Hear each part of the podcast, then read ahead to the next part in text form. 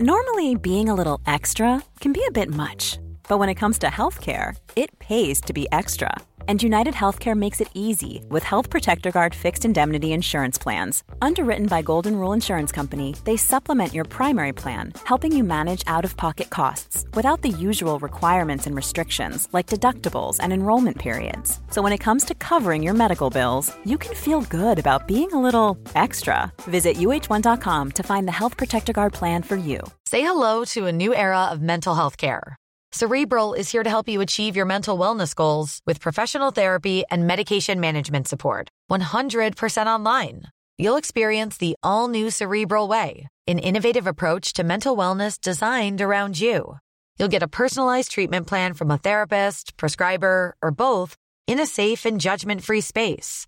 Your cerebral therapist or prescriber will outline a customized plan with clear milestones along the way so you can get to feeling your best. With Cerebral, you're not alone in your mental health journey. We're here to empower you to live a fulfilling life.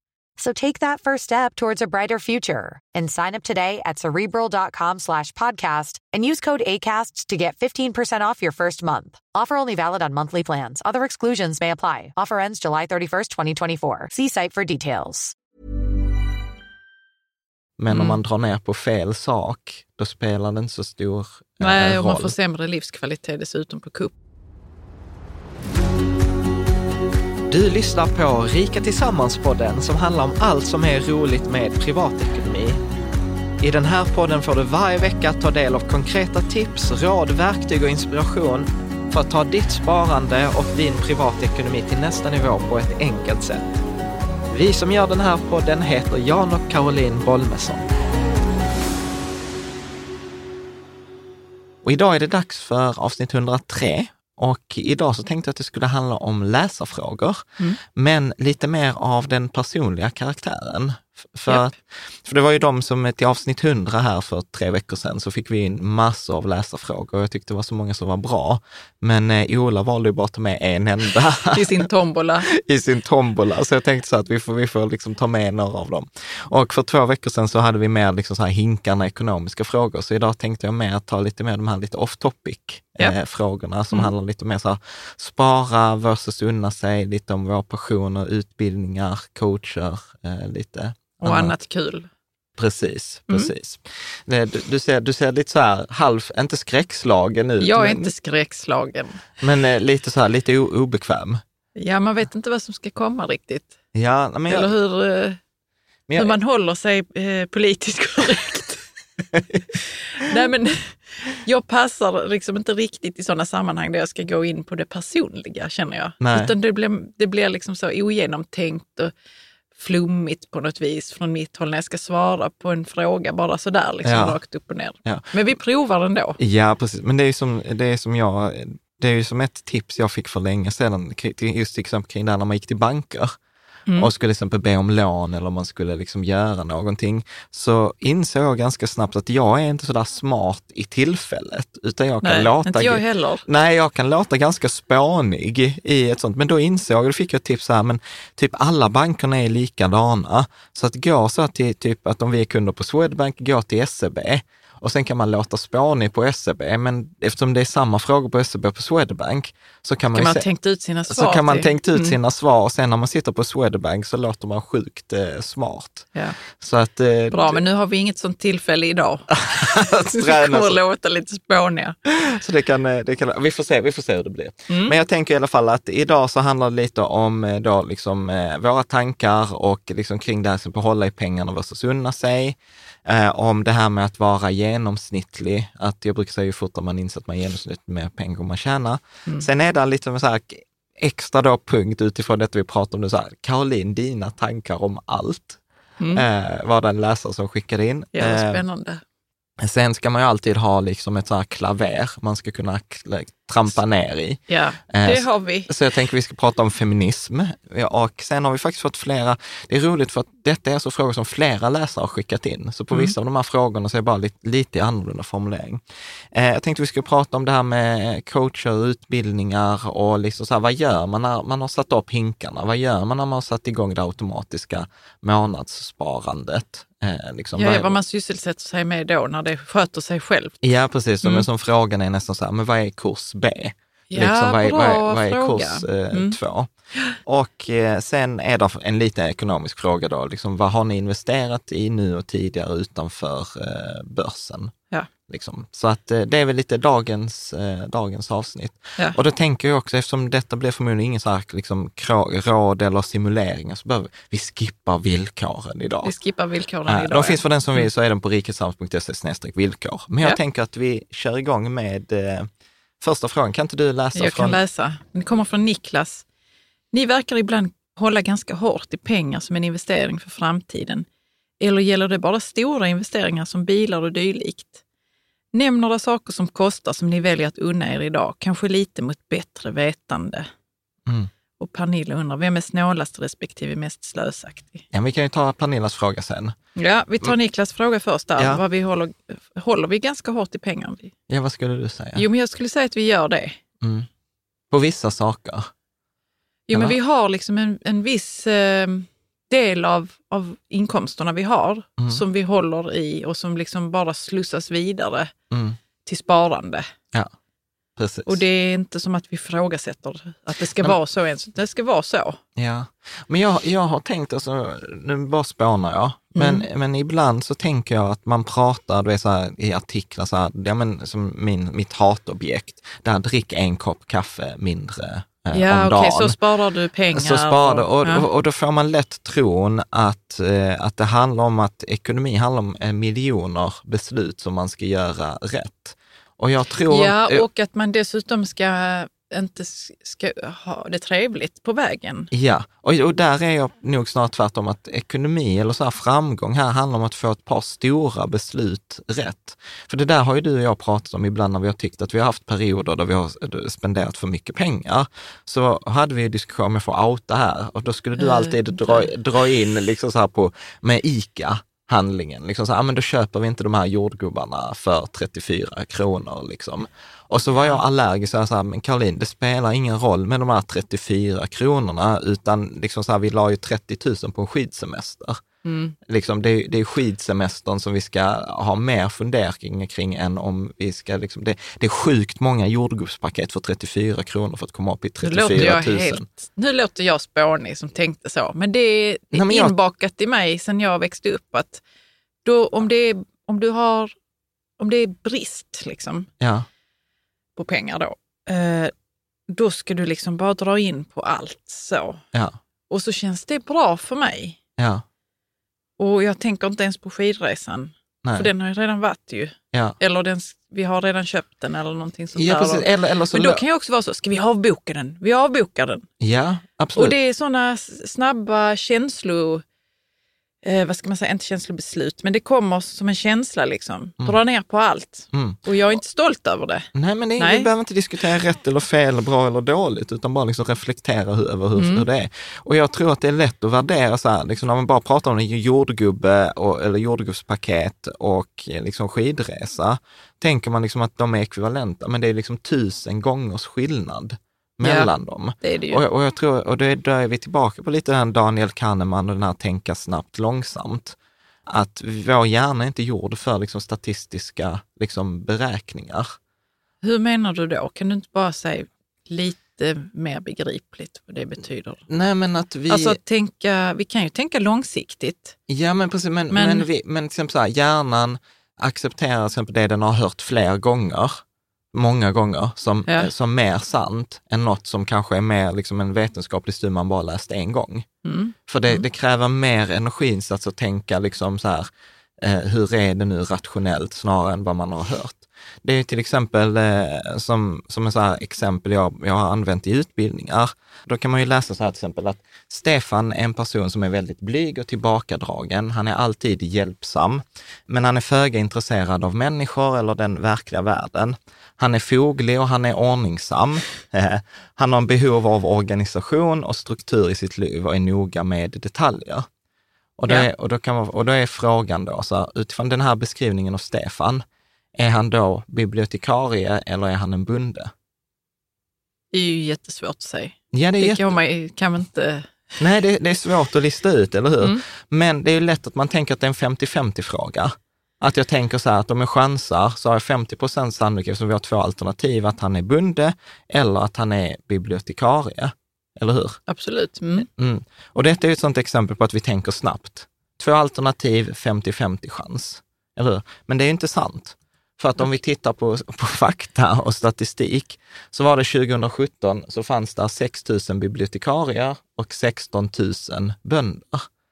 Ja, menar, då så är det större sannolikhet det är att han är en bonde då. då. Eller hur? Mm. Så sannolikheten är liksom nästan, vad blir det, 66 procent, 70 procent på att han är bonde snarare än att han är bibliotekarie. Mm. Och det, det är det här som jag tänker att vår hjärna inte riktigt gjord, utan vi, vi vill gärna ta de här enkla grejerna utan att fundera om det faktiskt är det som gör, gör skillnad. Ja, absolut. faktiskt.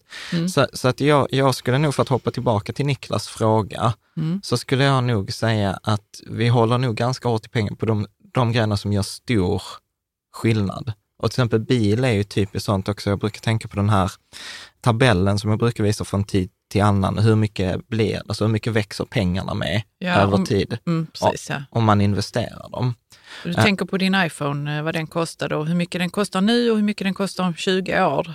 Nej, Eller? Ja, Nej. precis. Jo, nej, men exakt inte med hur mycket den kostar, men vad hade den kunnat vara värd om ja, man hur mycket hade den investerade kunnat vara värd? Ja. Ja, och, och då är ju exemplet att till exempel om man då har eh, 80 8 procents avkastning, alltså typ en fondrobot eller 100 procent aktier, då brukar vi säga att på 10 år dubblas pengarna, på 20 år femdubblas de, på 30 år tiodubblas de. Mm. Och då blir det liksom så här en bil som nu, nu har vi liksom en, vår gamla Volvo, eh, då som till och med har funnits på bild nu med.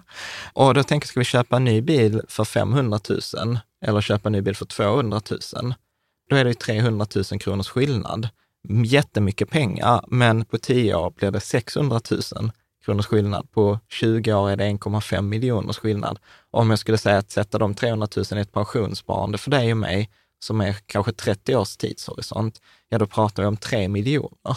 Mm. Så att jag, jag för Ja, det mig, blir inte som att man är sugen då på att köpa en ny bil för, nej, för 500 000 nej, eller precis, ens 200 000. nej, precis. Så att Mm. jag skulle nog säga att det vi har lärt oss under de här, de här 10-15 åren, det är ju att snarare så här att gör vi rätt sak på rätt sätt eller gör vi fel sak på rätt sätt? Ja. Liksom. Och, och rätt sätt kan ju då många gånger vara att vi ska dra ner. Men om Mm. man drar ner på fel sak, då spelar det inte så stor eh, Nej, och man roll. får sämre livskvalitet dessutom på kuppen om man drar ner på de där, den där maten Ja, precis. istället för att man skippar skidresan. Sen, eller Mm. bilen eller, Mm. liksom, eller komma igång så bra. Så det, och sen så tänker jag faktiskt en sista grej också. Eh, jag lyssnade på den här podden med Tim Ferris och Ramit Sethi. Ja. Eh, jag tänkte Ja, de hade någon, han hade, Tim Ferriss hade någon ny intervju med sin kompis, ja, ja, precis, han har ju Så släppt en ny eh, version av den här boken I will teach you to be rich. Ja. Eh, och den ska vi göra ett avsnitt av, för det var ändå en av de första böckerna vi läste. Ja, men vi läste den för tio, Tio år sedan, vi var i Thailand, kommer jag ihåg. Och så, köpte den i någon jättefin bokhandel. precis. Eh, Massvis med ekonomiböcker. Vi bara, ja, ja. eller du, jag var på någon annan hylla. Ja, precis. Men de hade i alla fall, alltså, här, och, och ibland, vet du vad, deras podd var två och en halv timme. Mm. Och då kan jag Jo, men Tim Ferriss gör ju aldrig poddar som är särskilt korta. Nej, och jag känner att jag har så dåligt samvete när vi är på, klockar in på en och tio. Ja, men jag har ju sagt det till dig, så tänk nu på Tim Ferriss. Okej, ja, men vad bra. I alla fall, de pratar om en sjukt intressant grej, där han säger också lite samma sak. Att titta vilket område som ger dig energi. Mm. Alltså om det är till exempel då kläder eller effektivitet eller prylar eller resor eller någonting. Och sen var han inte bara så här spendera pengar, han var så här, hur skulle ditt liv vara om du tiodubblade utgifterna i det området? Ja.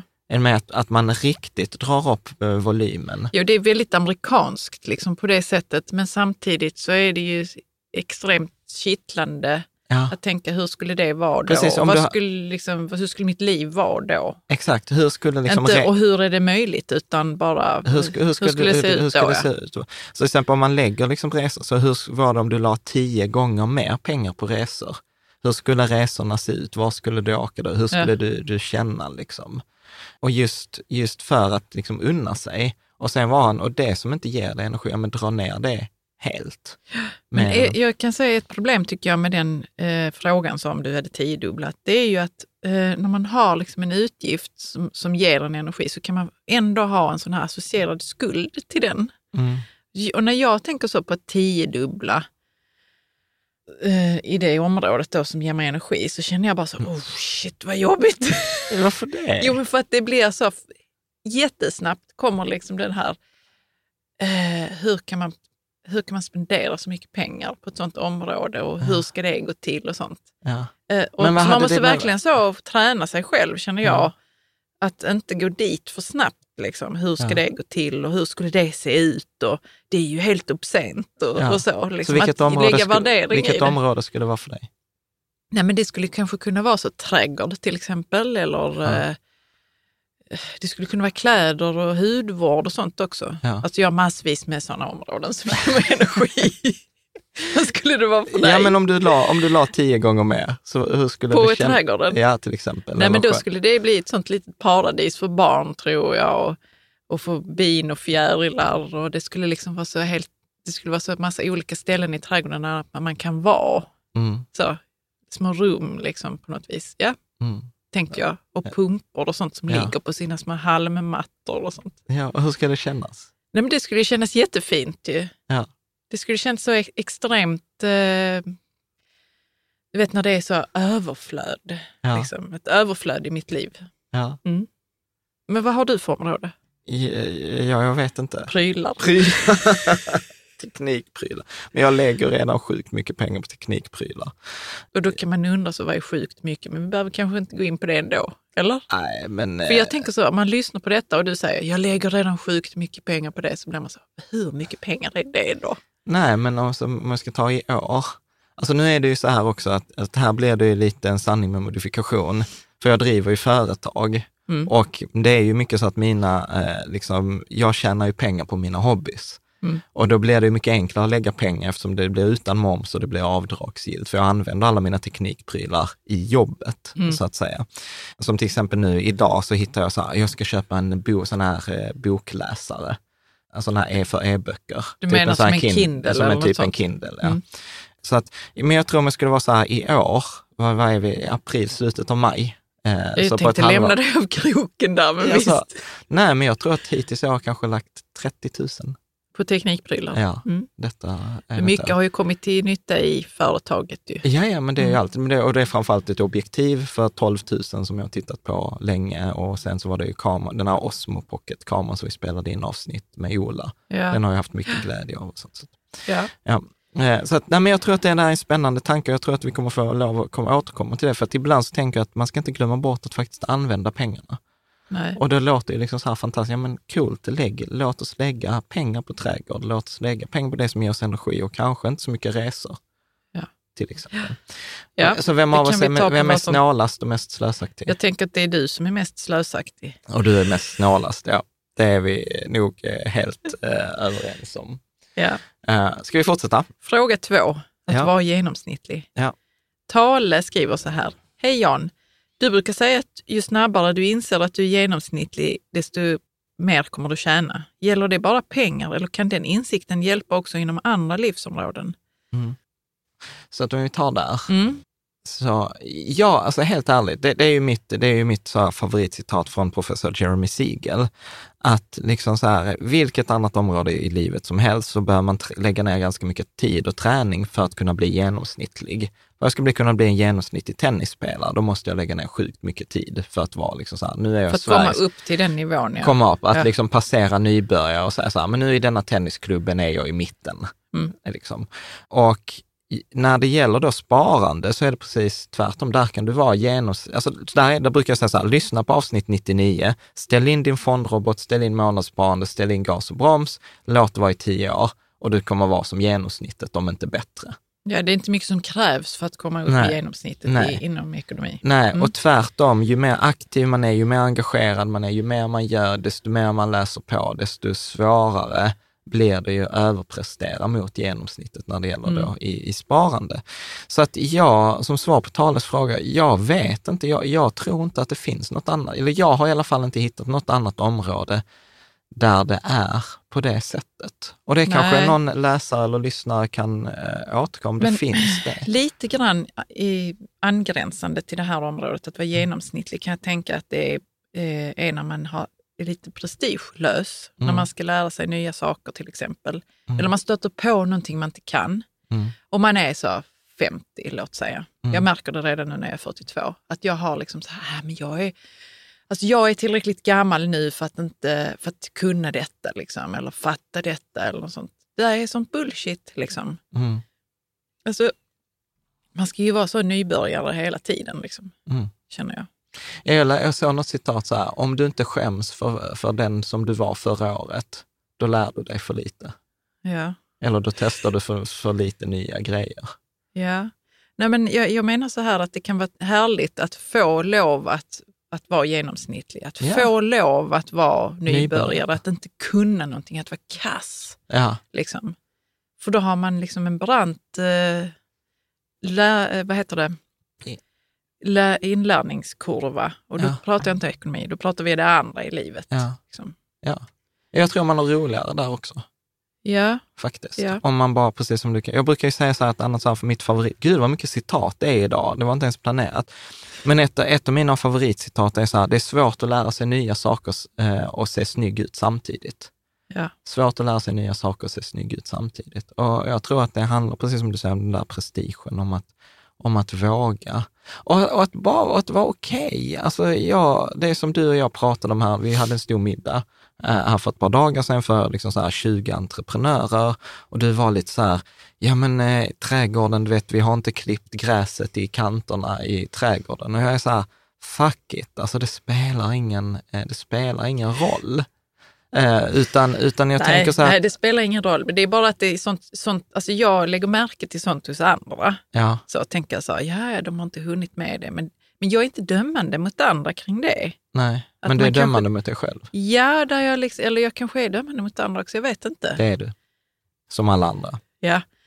ja, jag är dömande mot mig själv. Hur ser detta ut? Hur ska detta tas? Alltså, Mm. Ja, det är jobbigt. Mm. Mm. Precis, och, och, men där tänker jag, och där är jag återigen så här, rätt sak på rätt sätt. Alltså så här, spelar det någon roll? Vi är så här, vi är småbarnsföräldrar, vi har en tio månaders bebis, vi har en åttaåring, vi har liksom så här, det Vi kan är lägga tid på annat än trädgården, alltså, den gräskanterna. typ sova eller så ibland. Alltså så att eh, jag, jag tror att, eh, jag tror så här, det, när man är fem, liksom, ja nu kommer massa fördomar Så där. vi får påminna oss själva ibland att vi är småbarnsföräldrar, för annars blir kraven för höga. Ja, Mm. precis.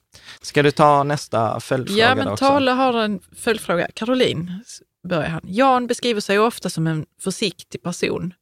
Har du några anekdoter hur det kan gestalta sig i vardagen? Ja, alltså försiktig inom ekonomi då kanske? Eller, Eller? nej, jag tror han menar Generellt. nog generellt. Ja. Men jag tänker ju att du är trygghetssökande. ja, det var snällt. Andra hade sagt trygghetsnarkoman. Ja, men det är absolut. Jo, vi har ju det här med försäkringar. Varför skulle du ta upp det? Ja, men ge shoot. mig något annat Nej, då. men shoot, shoot nu. Vi, har ju, vi, har ju, vi är ju ordentligt försäkrade. Ja. Ifall jag skulle trilla av pinn, ifall du skulle trilla av pinn. Eh, du, vi har, du har skrivit testamente, det har inte jag gjort ens. Ja, Alltså så, safear upp liksom kring alla hörn ja, så att inget ska liksom eh, verkligen falla igenom och gå Ja. åt helvete. ja. Du är lite åt det hållet och det har du väl fått med dig från liksom, när du växte upp och så Ja. kan jag tänka mig. Men har du, något, har du själv något eh, men exempel? jag- För du vet, du känner dig själv mer och du Ja. gör vissa grejer som jag inte alls känner till. För när man håller på med vissa beteenden, Ja. tänker jag, då man vet om så det här är inte riktigt sunt det jag håller på med. men, det, men jag måste. ja. Mm. Nej, men jag Har ska, du något? ja, nej, men jag ska, exempel? nej, men jag ska säga att det är alltså, massor. Massor alltså, för det, ett beteende återkommer ju. Det Ja, är, inte, så- överallt, det är ja. inte som om man bara, jag är försiktig i ekonomi, men sen är jag... jag kör, Reckless när du kör. Ja, Nej. precis. Så är det ju inte. Nej, men till exempel, jag, jag kör inte motorcykel. Ska aldrig få för mig att åka motorcykel. Det Nej. verkar helt galet eh, i, i min värld. Nej, men vi har ju pratat om, om det här, liksom att eh, nej men så här, jag gillar hela prepping-grejen. Du vet, förbereda sig för katastrofen. Eh, Ja, om det, för- skulle, om det för- skulle bli strömavbrott i flera veckor, Ja, så har vi ficklampor och batterier och Ja. försäkringar och, och liksom så. här. Men jag är ju där och lägger eh, kuddar överallt. Jag vet inte om det är något mer. Eh, bil. Men när, vi, liksom- när vi köpte bilen innan Freja föddes så var det ju väldigt viktigt att det skulle vara en säker bil. Ja, Så är det väl, så det upplever säkert många som har skaffat familj och så. Men jag vet inte, kanske det lite var så, mer än andra. när du skulle titta på babyskydd och, och barnstol och sånt så, så var det liksom, det skulle ju vara det allra säkraste liksom. Ja. Och det var okej att det kostade så 4 000 eller Ja, något ja, sånt. ja, precis. Ja, men precis, för där kommer jag ihåg att jag tänkte så här, ja men det är klart vi ska ha det bästa babyskyddet. Tänk om det är trafikolycka och något händer och så tänker jag så här, ja men jag sparade i alla fall 2000 spänn. så att jag var ju så här sucker till alla sådana här försäljare, så här, men ni vill väl ha en trygg barnvagn, ni vill väl ha en trygg babystol eh, liksom. Ja. Så att, eh, ja, Mm. nej men jag är försiktig i de eh, flesta områden i livet. Är, finns det något som du inte är försiktig med? Nej. Nej, alltså jag skulle säga så här att utifrån så kan många tycka att jag gör galna grejer. Ja. Men då har man liksom inte fattat mig. Och då vet, alltså som, om, jag, om jag tar ett exempel, då till exempel Better Globe. Det är ett sånt projekt med med träden i Afrika som vi får sjukt mycket kritik för. Det har till och med varit så artiklar i tidningar om hur dåligt detta är, och hur vi tjänar pengar och liksom risken. Och då kan det vara så här, men Jan, du vet att då får folk inte ihop det, för du är försiktig och sen rekommenderar ett högriskprojekt i Afrika. Och, och då säger han så här, men då måste anledningen vara att du gör det för att du tjänar pengar. Mm. Medan då är jag så här, nej men fast jag har varit på plats fem gånger, jag har pratat med Okej, så människorna. på där kommer försiktigheten in igen? Liksom. Ja, precis. Men, men det kan utifrån se ut som att det är riskabelt. Alltså det jag träffar människor som säger det här med aktier, men du vet aktier är ett kasino. Du bara förlorar pengar på att investera i aktier. Men då har jag ju liksom gjort all researchen och vet att över en tioårsperiod, då har vi 90 procent sannolikhet för att detta kommer gå plus. Och då säger jag så här, med 90 procent sannolikhet, där blir jag så här, men det är värt att satsa mycket pengar på. Mm. Så att jag, jag tror att, nej, jag är försiktig general i alla, i alla områden. Men, men jag tror att det handlar om hur mycket man kan om kontexten, Ja. faktiskt. Jag vet inte, Mm. du, Jo, du, men det är låter, det först, begripligt. låter det förståeligt? Ja. Ja, vad bra. Ska vi ta nästa fråga? Mm, det handlar om våra passioner. Mm. Tale och Magnus eh, skriver så här. Bortsett från det ekonomiska, jag undrar om ni har några andra passioner som vi läsare kanske inte känner till. Och Pontus frågar, vad är nästa steg efter att port- portföljerna är uppsatta och alla hinkarna är fulla? Hur går ni och andra vidare till kurs B? Mm. Mm. Men jag buntade ihop de här, för att Ja. eh, när vi spelade in detta innan så var det så här, men de här två frågorna hänger inte alls ihop. Men, men jag tycker att de gör det för att jag tror att liksom syftet med sparande och sånt, det är egentligen för att man ska kunna ägna sig åt sina passioner eller åt sin, sin dröm. Och där, där tror jag liksom att för att svara på Pontus fråga, så, här, så vad Mm. gör man när man är färdig? När man har fyra hinkar-principen, man har det automatiska månadssparandet, man har allt det på plats. Ja, då ägnar man sig åt sin passion. Mm. Alltså åt det som är viktigt för en eh, i, i livet. Men hur tänker du då? För man kan ju, det kan ju fortfarande vara så att man, eh, man går till ett jobb, liksom. det kanske inte är ens passion, men man Ja, men- gillar det. Liksom. Eller hur tänker du? Ja, men är inte det... Om, alltså så här, jag har ju aldrig riktigt förstått det här. Varför går jag till ett jobb jag inte gillar? Nej, jag, Då jag är, fattar då, det. då, men då är det, jag så här, byt jobb. ja, Och jag jag, håller och, och jag vet, och det, det är kanske ganska kontroversiellt, särskilt med liksom siffror på att, vad är det, 60 procent av alla anställda i Sverige gillar inte sitt jobb, utan hade Mm. bytt om de fick möjlighet.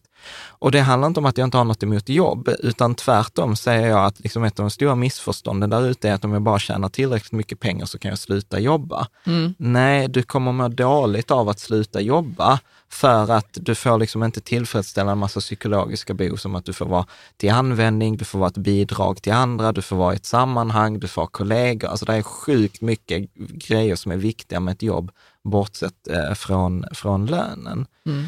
Så att nej, jag, jag tycker ju att, eh, att det handlar ju om att, att, att, att ha roligt eller att uppleva lycka, att spendera tid på det som är, är viktigt. Men måste man vänta tills man har eh, satt upp alltihopa och hinkarna är fulla? Det behöver man kanske inte göra. Nej, men det är ju ett, det- en, men det är ett engångsjobb. Du gör ju det Mm. en och en halv timme. Sen, är det fär, sen har du satt igång ditt automatiska månadssparande. Det är ju avsnitt, jag Mm. brukar säga det är avsnitt 99, det är en timme och en kvart. Mm. Och sen tar det 15 minuter att sätta upp det. Sen är hinkarna ju lite mer pill eh, att få, få rätt, det är avsnitt 47.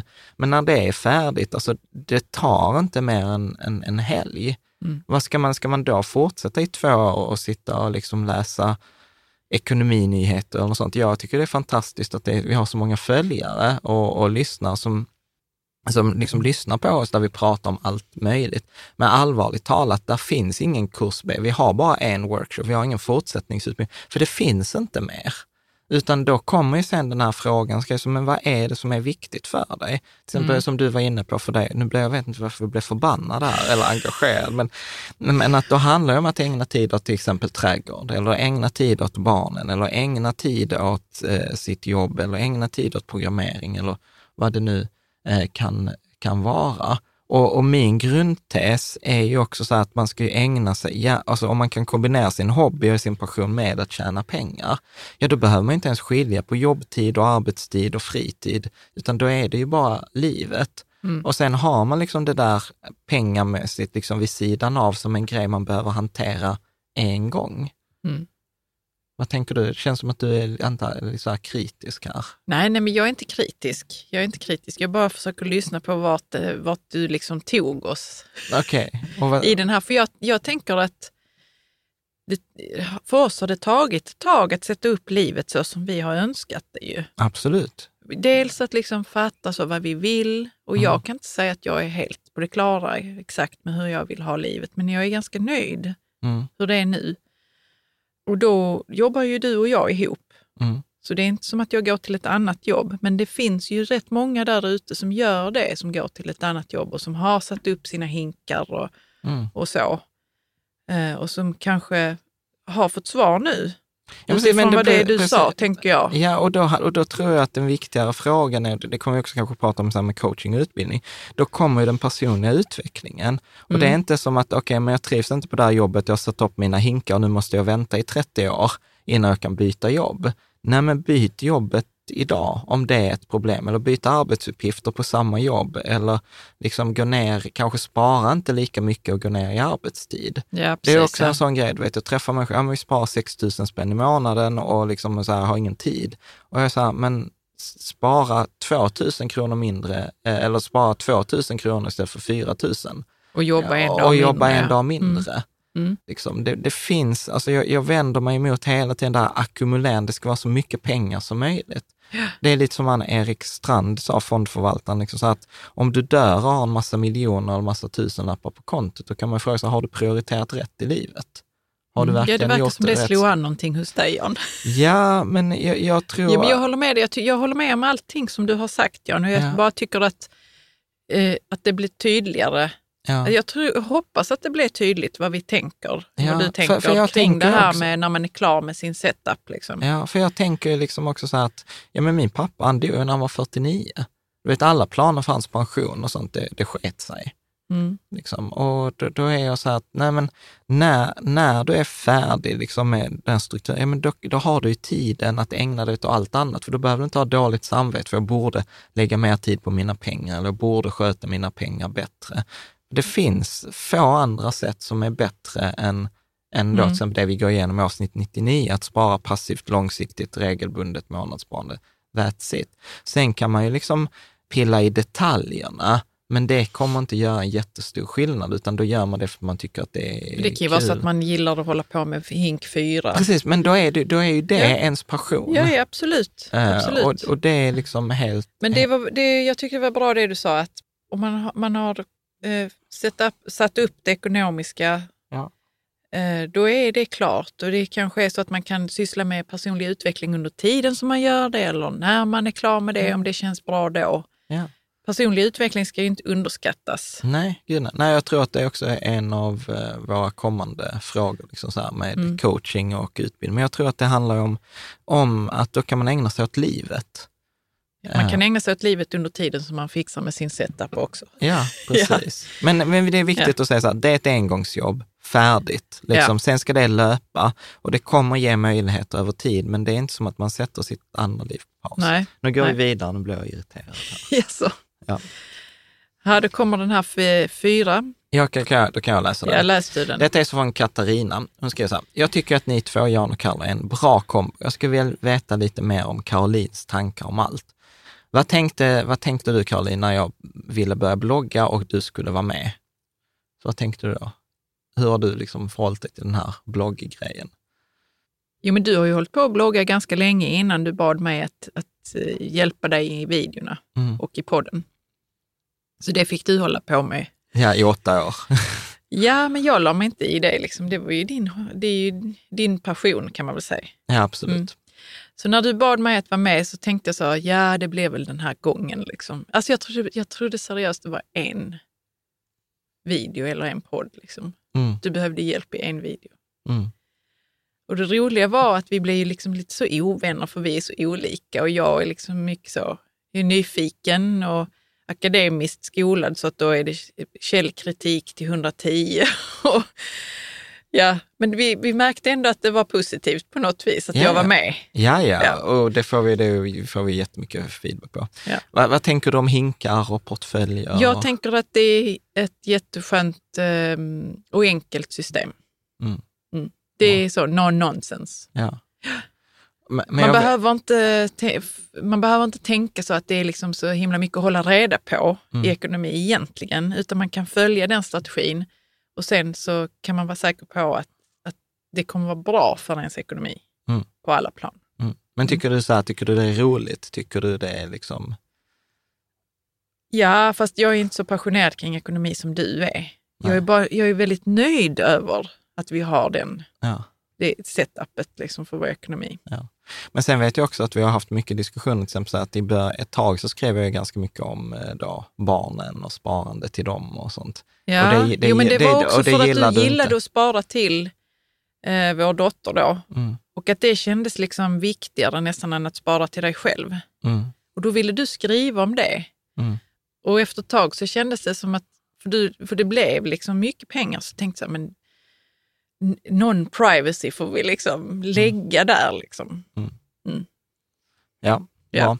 bra. Så, och vad tänker du då kring ekonomi och drivkrafter? Ja, men det tänker jag fundera dagligdags på drivkrafter och hur, hur jag funkar. Mm. Inte så mycket kring hur du funkar, för det är som att det är en sån black box. Liksom. Jaså, vadå?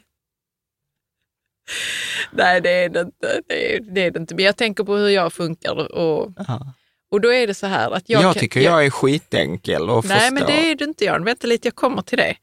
Jag kan bara säga att, att så här, jag, jag funderar hela tiden på vad det är som driver mig. För att jag gillar ju att liksom komplettera till hemmet och komplettera till mig själv. Och, och liksom funderar ibland på om jag ska köpa kläder till dig, men jag gör inte det för att det kan bli fel. Eh, Det är som en sån här, eh, jag tar hand om, ta hand om, det ska vara överflöd liksom. Det ska vara så vi har liksom. Och det ska vara så alla mår bra. Ja. Så typiskt kvinnligt, men Ja. eh, jag tror det är viktigt i alla fall. Mm. Men då kan det bli så att när jag har kört på och shoppat, shoppat loss liksom, Mm.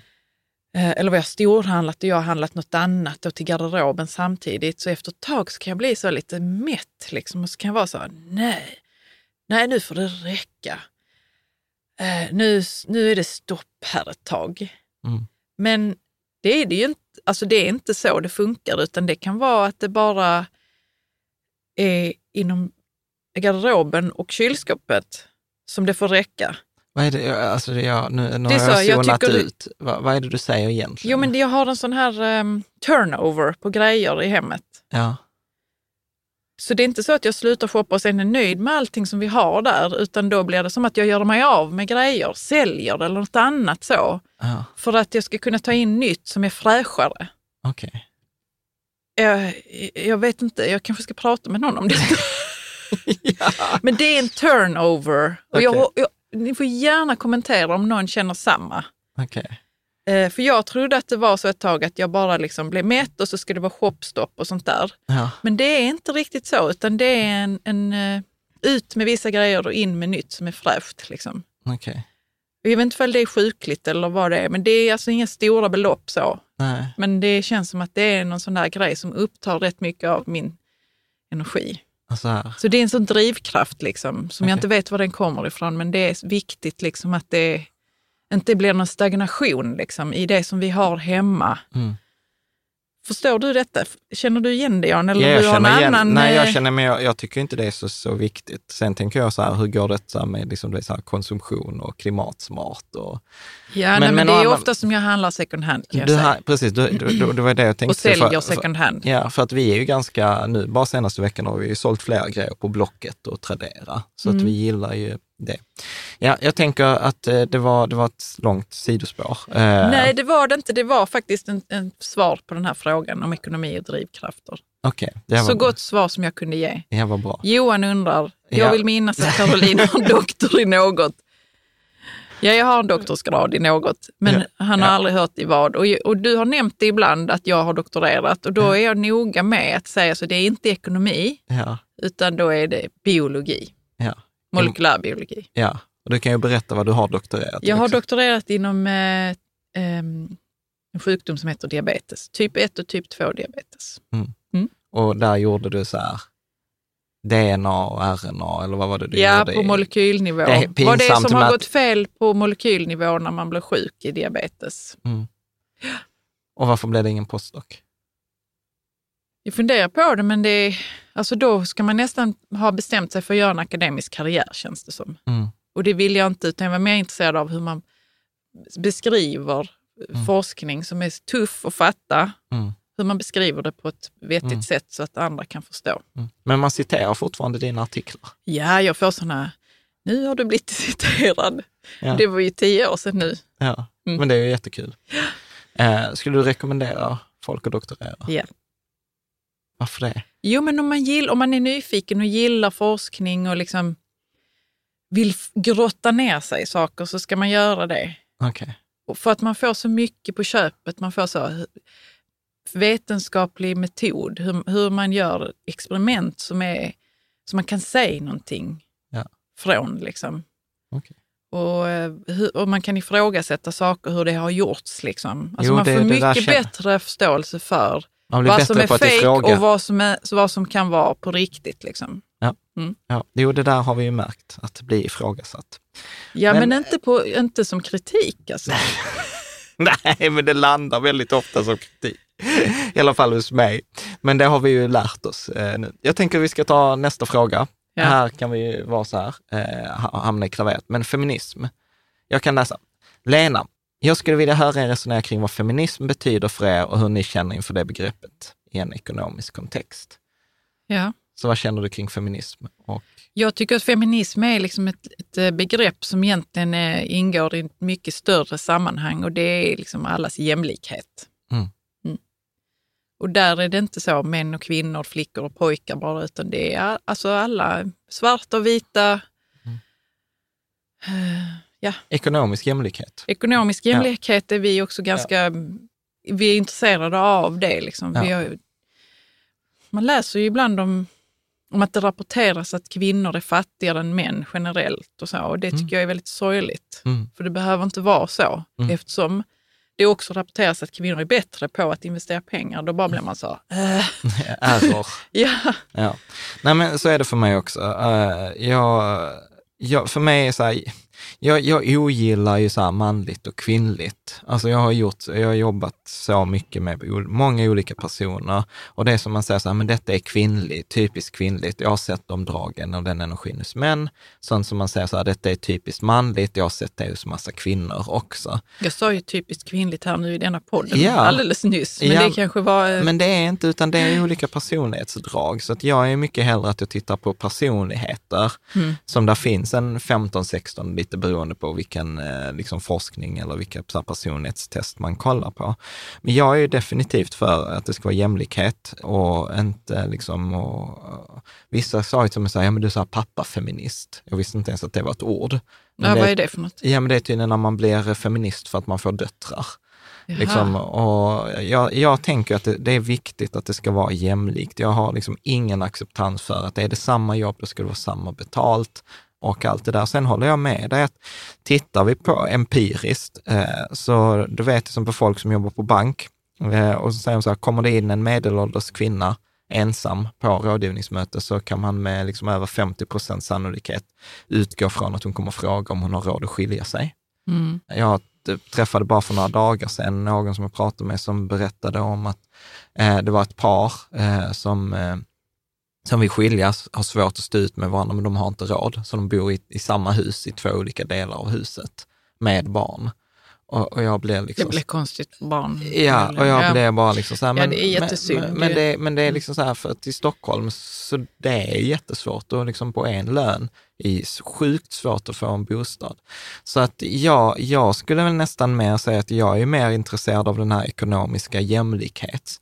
Jag ser ju det som ett jättestort problem, alltså hur vi ser att ojämlik, den ekonomiska ojämlikheten blir bara större och större.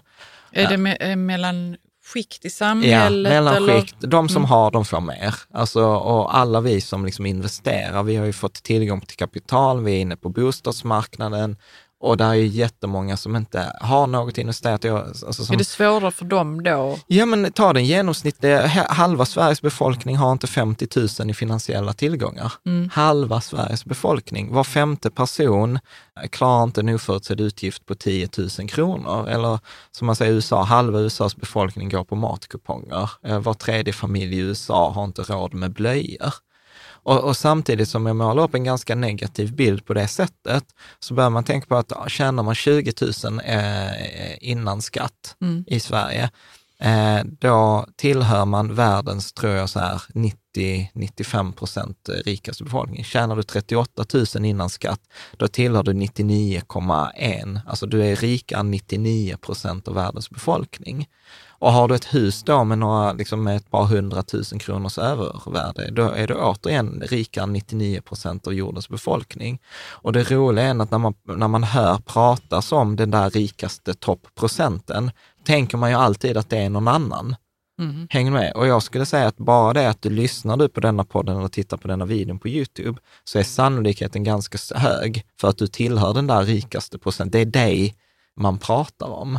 Och, och där tror jag att det är en jättestor, eh, mycket konflikt. Jag tror det är därför vi ser de här populistiska partierna på frammarsch. Det är därför vi ser de här gula västarna, bensinupproret. Alltså så här, vanliga människor har det väldigt svårt ekonomiskt och det blir inte bättre. Mm. Det blir inte bättre. Eh, så att jag är väl liksom så här, vid, vid avstamp i feminism, men jag tror att det är fler som behöver eh, vi behöver jämna ut den här ojämlikheten och det är ju, jag ska ju vara helt ärlig, det är ju en av drivkrafterna parallellt med det här med klimathotet som jag har för bloggen, att göra det mer folkligt så att alla kan spara, så att man kan gå i pension, man kan ha, ha, liksom, ha möjligheten att få välja. Mm.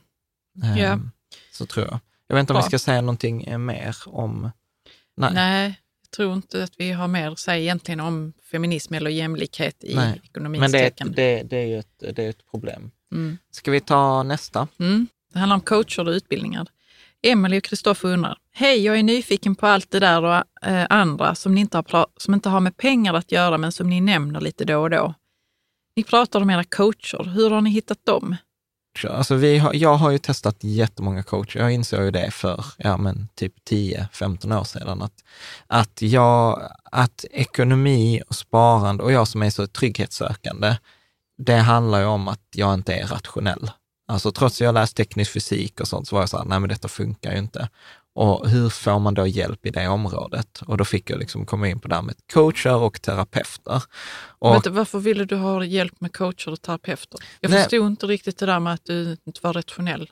Nej, Ingen men är rationell. Nej, nej men precis. precis. Och, och, och, och så här, ska, ska jag ha hjälp hur jag placerar mina fonder, då går jag till finansiell rådgivare. Mm. Om jag behöver hjälp att hantera liksom, mitt beteende, Mm. ja, då behöver jag gå till någon annan. Det är bara att rådgivarna i det området kallas då ofta för terapeuter, coacher eller mentorer. Och då gör jag en distinktionsskillnad där, där jag säger att en mentor är en person som har gjort det du vill göra tidigare, så du får konkreta råd. En terapeut pratar mycket om historiska grejer i princip bara. Och en coach handlar, pratar egentligen nästan bara om framåtriktade grejer. Så en coach bryr sig inte om så här, varför har du blivit så som du har blivit, utan du är här och du ska till, du är i punkt A, du ska till punkt B i framtiden. Hur tar vi oss från punkt A till punkt B? Medan en terapeut handlar om så här, okej, okay, du har varit med om detta i din barndom, så här har det påverkat dig. Detta är de känslor, du kan hantera dem på det här sättet. Det är ja, väl typ, no, kanske, typ. ja, Du håller inte med? väldigt förenklat. Ja, Ja, ja, men har. Du, har du en bättre förklaring? Nej, jag har inte det, men kör på.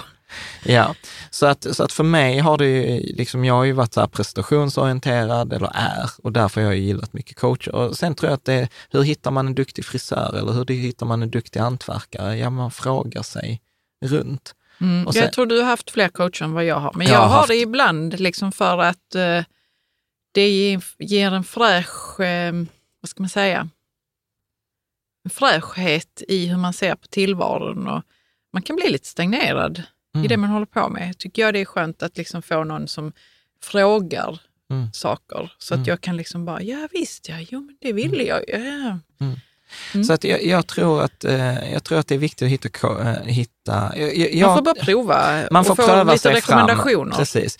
Sen, sen brukar jag säga så här att med en coach, egentligen är det så här, det är viktigt, nu blir jag lite kontroversiell, men du vill ha en coach som inte vill ha dig. Faktiskt, eller inte behöver dig. Ja, Jag satt också här och tänkte på vilken coach man inte vill ha. Ja, för att du vill inte att det ska kännas nice. Alltså går man från ett coachsamtal och detta var ett trevligt samtal, då ska jag säga byt. Eh, Ja, alltså, hur det- ska det kännas då? Ja, men det ska kännas utmanande, det ska kännas så här, wow, shit. Alltså jag är inte så, jag gillar inte personlig utveckling, men jag gör det för att jag upplever att jag måste för att komma dit jag vill. Men personlig utveckling för mig är många eh, som när jag kom hem från Bara Vara, det här avsnittet tror jag 92 eller någonting, Mm. där jag liksom insåg så här, nej men eh, jag har ju liksom gjort bort mig. Som för massa år sedan när jag sa till dig Karo, att du som är känslomänniska, du har ju inte bara levlat till logisk och rationell. Det landar ju sådär hos dig då. Eh, Ja, det var... Ja, men jag trodde ju genuint det. Och, och sen fattade jag så här hur ute och reste jag var. Och det var ju bara, alltså det var ju sjukt skämmigt och Ja, jag var- massa, massa, så- ja. ja, och en massa sorg för det och sånt. Och det var ju ett utvecklingssteg. Så- och ja, man håller på med grejer som man inte Ja. riktigt har koll på själv. Ja, och jag upplever att många gånger så blir, kan coaching bli så här att man pratar med något, har ett trevligt samtal, men där händer ingenting. Utan det ska komma konkreta resultat. Och där säger jag, du vill ha en coach som inte behöver dig. För den bästa coachingen kommer ju när, när coachen mer eller mindre kan be dig och dra åt helvete, om jag överdriver. Jag kan, jag kan säga några av mina bästa coachsamtal, det var till exempel när jag eh, skulle ha gjort någonting till ett coachsamtal, berätta om det, sen kommer jag, ett, eh, så kommer jag till coachsamtalet och sen har jag inte gjort det och så börjar jag då berätta för varför jag inte har gjort det. Och då säger han eh, då, eh, Taki som jag hade då som coach, bara, ja vet du vad, jag vill inte höra på dina ursäkter, det är slöseri på min tid och det är slöseri på din tid fast du inte fattar det. Så jag lägger på nu och så skickar jag fakturan. Så la han på, skickade Ja. en faktura på 5 000 spänn och vi skulle ha en timme och jag fick typ fyra minuter. För att du hade sysslat med omständigheter Ja. och ursäkter. Ja, och jag var så jävla förbannad. Du vet, jag var så här, nu skiter jag i detta. Men vad hände sen då? Nej, men sen insåg jag så här, det, jag, jag pratar ju om det här kursen tar tio år senare, så uppenbarligen hade ju det impact. Eh, och han var ju beredd att riskera hela den här, eh, liksom vårt samarbete, för han visste att jag skulle bli, bli förbannad. Mm. Eh, och här kommer ju då min fördom, att jag tror att många coacher idag vågar inte säga det de borde säga till sin klient, för att om de säger det till sin klient så kommer, deras, så kommer klient, riskerar de att, att samarbetet tar slut och de behöver pengarna för att kunna driva sin coachbusiness. Mm. Så, att, eh, så, så skulle jag eh, säga. Ja. Annars eh, tänker jag så här att eh, en misstag som jag tänker är att, ja, att coachen måste ha gjort det man själv vill göra. Men en coach, alltså... Att de har lyckats med det man själv vill göra, men det är inte Men det riktigt behöver, så. det behöver inte vara så. Alltså nu ogillar jag ju coaching själv, att ge coaching, eh, för jag är inte så duktig på det och sånt, men jag skulle kunna coacha någon i hästhoppning, fast jag inte har, liksom, eh, kan någonting om hästhoppning, för att man utgår från att klienten har allt, alla svaren själv. Ja, det är bara att man inte är medveten om Ja. svar. Man har inte tagit fram dem. Nej, Mm. precis. Sen skulle jag sagt att någon som blir duktig på hästhoppning behöver en coach och någon som är grym på hästhoppning. Ja. För där finns ju trick i hästhoppning som man inte En kan tränare. själv. Ja. Mm. Bra. ja, vill du tillägga något? Nej, nej, jag har tillagt det jag ville. Ska vi ta nästa? då? Nästa del här är frågan. Ni pratar också om utbildningar inom personlig utveckling. Vilka har ni gått och vad kan ni rekommendera? Ni sa att det troligtvis var de billiga kurserna som varit de som gett mest och inte de stora dyra som Tony Robbins. Vi jo, men det är gjort- det ju absolut ju. Ja, Du, alltså- du alltså- har varit på någon Tony Robbins väl? ja, jag jag har har varit, undvikit Tony Robbins för jag hatar att stå och hoppa och skrika och liksom hela den här... Vilken bra bild du ger nu av Ja, detta. nej, men det, jag fattar att det inte är så. Ja. Det är hela tiden Tony Robbins sådana här utbildningar för Ja. massa människor. Men det är det de visar Ja. på sina trailers och sånt. Ja. Anyway, de är ganska dyra, men det är sant. Det är de billigare som har betytt mycket för oss. Ja, där är, så här, där är ingen korrelation mellan pris och impact. Nej, Så, så skulle jag säga att ju dyrare desto större impact. Eh, du gillade absolut. ju bara vara och den var inte dyr. Nej, alltså så här, om, vi ska, om, vi ska ta lite från detta. Vi har ju lagt jättemycket. Jag skulle säga att om vi tittar historiskt så har ju utbildningar varit vår, en av våra absolut största utgifter. Eh, så. Och, vi har, och vi har ju en tumregel som också är så här, vi har alltid en utbildning inplanerad. Alltid. Mm. Ja, vi Eh, har det nu ju. Ja, vi har ju det nu både i höst. Men det har vi haft, jag vet inte om du har tänkt på det, men det har vi alltid haft. Varje år har vi Var, haft en varje utbildning. år har vi någonting som vi åker på, just också för att den här det, konstanta beh- växten. det är oftast personlig utveckling eller utveckling av eh, någonting man vill ja, något, behärska eller bli bättre på. Liksom. ja, precis. Mm. Och sen ska jag också vara så att just personlig utveckling, eh, alltså det känns som jag bara pratar om så här kontroversiella grejer. Att det handlar om liksom allt från att det är sekt eller att det är hjärntvätt.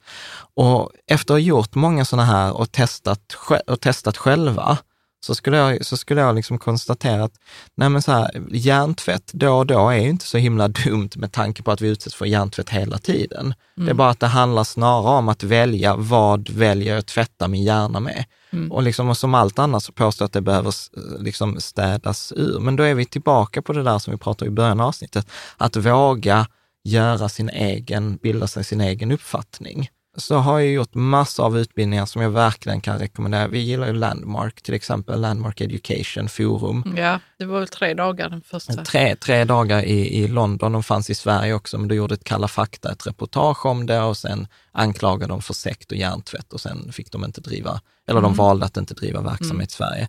Vi hade ju massa kompisar som hade gjort All, alla har pratat gott om det. Så det, Ja. det gjorde vi också och vi tycker att den gjorde stor skillnad. Ja.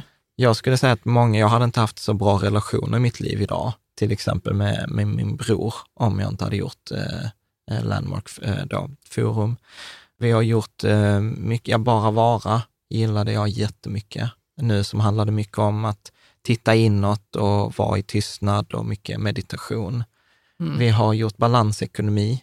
Där Den gjorde vi för många år sedan ju. Ja, tio år sedan, eh, som verkligen accelererade vår ut, utveckling. Jag skulle säga så att det var som att eh, få tio års erfarenhet på tio veckor istället. Eh, och där, det var ju så pass bra så att jag valde ju, eller vi valde att köpa in oss i balansekonomi och jobbade. Jag jobbade i tio år i balansekonomi. Nu håller jag utbildnings, vissa utbildningstillfällen som jag tycker är kul. Mm. Jag gillade Tony Robbins också. Det var ju mer som en rockkonsert eh, med personlig utveckling. Mm. Vad har vi gjort mer? Men jag har ju gått i terapi också ju. Mm. Sån här psykodynamisk terapi. Och det har ju varit för att jag har känt att det är det som behövs. Mm. Eh, inte så mycket coaching, utan mer som att titta, vad, vad hände eh, för länge sedan? Liksom? Och vad har det för påverkan i mitt liv nu? Vilka Mm. mönster är det jag följer som jag inte har bestämt själv? Och liksom handlar om förlåtelse och sådana saker också. Mm.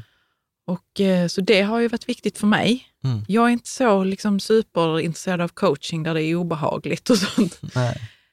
Nej, men sen, Ja. sen gick vi ju hos, eh, hos en parterapeut. Gick Ja, det har vi ju- också gjort ju. Ja, Mm. eh, där vi gjorde det, tillsammans. Ja. Det var ju också väldigt, väldigt, Väldigt bra. värdefullt och bra. Ja. Ja. Eh, Så man kan mer? göra sånt lite då och då. Liksom. Ja.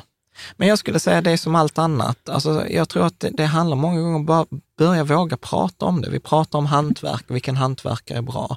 Mm. Varför inte bara prata vilka kurser har du gjort som är bra? Många pratar till exempel UGL, Eh, Ja, det är det här en- militärens Ja, eh, ledarskapsutbildning, Ja, va? precis. Som är en typ av personutveckling. Sen finns det, ah, där finns så många olika. NLP eh, gjorde så neurolingvistisk programmering. Ja. Gjorde jag liksom ett helt utbildningsprogram som kostade flera hundratusen. Så att, nej, jag skulle säga så här, testa, men lite beroende på vad man är ute efter. I Sverige skulle jag säga så här, nu pratar jag egen sak, men balansekonomi skulle jag säga är en av de bästa. Om man är intresserad av ekonomi och personutveckling så är den skitbra. Mm, bra. Den är ju dyr dock, den är ju jättedyr och tar ett år. Men jag ska ändå säga att det är värt det. Eh, bara vara, om man är prestationsmänniska och vill komma i kontakt med sig själv. Eh, Jag kommer ur det alltså. Ja, precis. Det Eh, kanske de flesta Ja. vill någon gång då och då. Ja, precis. Men Nej, alltså något som vi inte har gjort är så här mindfulness och yoga, retreats och sådana saker. Det har vi inte riktigt liksom gått in Nej, på. Så. det är nog också för att vi inte har, vi har inte dragits riktigt till det. nej. Kanske någon gång i livet kommer Ja. det vara så att vi vill göra det också. Ja. Liksom. Ja, Mm. precis. Ja, men det var lite tips på lite olika eh, ut, utbildningar. Men jag skulle faktiskt också säga en grej som vi inte har pratat om, böcker. Ja. Böcker kan Ja, man också, också- få, få ut. För i grunden kommer det ner till att jag tror att det är svårt, att, eller omöjligt. Det är omöjligt att tänka ny tanke själv.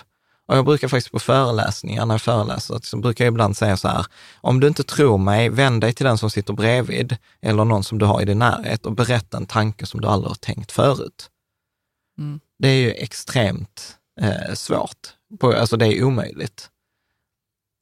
Du ser väldigt Ja, den, är frågande lite sån, den känns som en sån kuggis, men skitsamma. Den är säkert, det är säkert så. Nej, men te, berätta om en tanke du aldrig har tänkt förut.